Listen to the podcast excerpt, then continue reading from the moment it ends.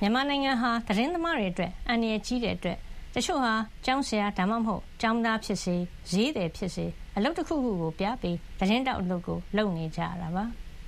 2021 February စစ်တပ်အာဏာသိမ်းခဲ့ခြင်းကစပြီး သတင်းသမားတွေရက်တီဖို့အတွက်အန္တရာယ်ကြီးလာတာကြောင့် ပြည်ပကို ထွက်ခွာသွားသူတွေ ရှိတယ်လို့တချို့ သတင်းသမားတွေကတော့ ပြည်ရင်းမှာပဲနေပြီး သတင်းတောက်အလုပ်ကို ဖုံးကွယ်လုပ်ကင်နေကြတာ ဖြစ်ပါတယ်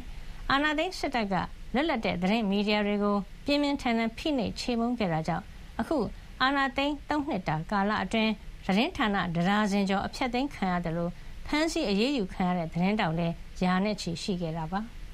မြန်မာနိုင်ငံဟာ စစ်အာဏာသိမ်းမှုကို အကြိမ်ကြိမ် ခံခဲ့ရတာဖြစ်ပြီး ဒီလို အာဏာသိမ်းထားချိန်တိုင်းမှာ မြန်မာသတင်းသမားတွေကတော့နီလန်းမျိုးစုံနဲ့ သတင်းတွေကို ဆက်ပြီး ပို့နိုင်ခဲ့တာလည်းဖြစ်ပါတယ်။ ဒါဟာ မြန်မာသတင်းသမားတွေ လွယ်လွယ်နဲ့ အလျှော့မပေးတတ်တဲ့ သဘောလို့ ပြပရောက် သတင်းသမားတူကပြောပါတယ်။သတင်းလွတ်လပ်ခွင့်မရှိတဲ့ မြန်မာနိုင်ငံဟာ2023ခုနှစ်မှာတော့ ကမ္ဘာမှာ ဒုတိယအများဆုံး သတင်းသမားတွေကို ထောင်ချထားတဲ့ နိုင်ငံအဖြစ်နဲ့သတင်းသမားများ ကာကွယ်စောင့်ရှောက်ရေးအဖွဲ့ CPJ က မှတ်တမ်းတင်ထားပါတယ်။မြန်မာနိုင်ငံလူခွင့်ရေးဆိုင်ရာ အထူးကိုယ်စားလှယ် Tom Andrews ကတော့ မြန်မာနိုင်ငံမှာ သတင်းသမားတွေဟာ အသက်ဆွန့် လုပ်ကင်နေကြရတာ ဖြစ်ပြီး သူတို့ရဲ့သတင်းလုပ်ငန်းနဲ့ပတ်သက်တဲ့ဇွဲတက်တီနဲ့ရဲစွမ်းတက်တီကအံ့ဩဂုဏ်ယူရလောက်အောင် ဖြစ်တယ်လို့မှတ်ချက်ပေးပါတယ်။